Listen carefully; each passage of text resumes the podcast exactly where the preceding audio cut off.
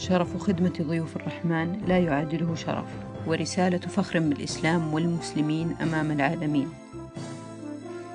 فرزق الله قادتها حب البذل من غير حدود وكرم العطاء الذي لا يخشى النفاد وقوة العزيمة في المتابعة. من منا لم ينغمر حسه ووجدانه مع تلك الصورة الباذخة ثراء لرجل أمن يحمل مسنا في حالة تمازج روحي عجيب لا تملك إلا أن تطبع قبلة ودودة وممتنة على جبين ذلك المصور الفنان الذي استطاع أن يأسر تلك اللحظة المفعمة بالصدق والحس الوجداني العميق.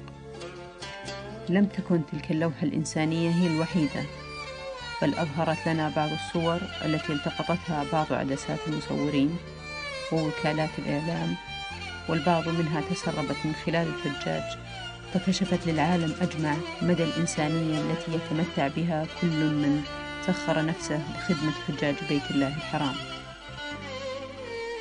لمرة أخرى أثبت المملكة نجاحها في تنظيم موسم الحج بأعلى مستوى من الدقة والاحترافية والمهنية التي تعزز خبرة بلاد الحرمين في استضافة وتسيير أكبر التجمعات البشرية بالعالم.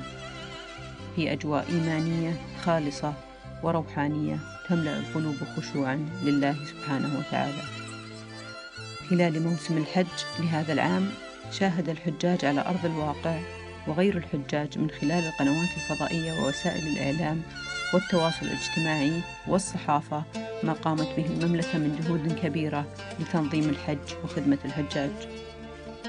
نجاح موسم الحج هو رسالة لكل من يشكك في دور المملكة الريادي في خدمة الحرمين الشريفين.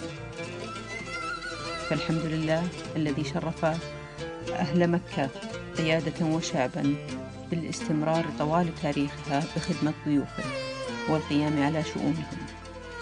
شكرا لكل متطوع ومتطوعة ولكل من ساهم في نجاح مواسم الحج فهو شرف نتباهى به حكومة وشعبا إلى أن يرث الله الأرض ومن عليها.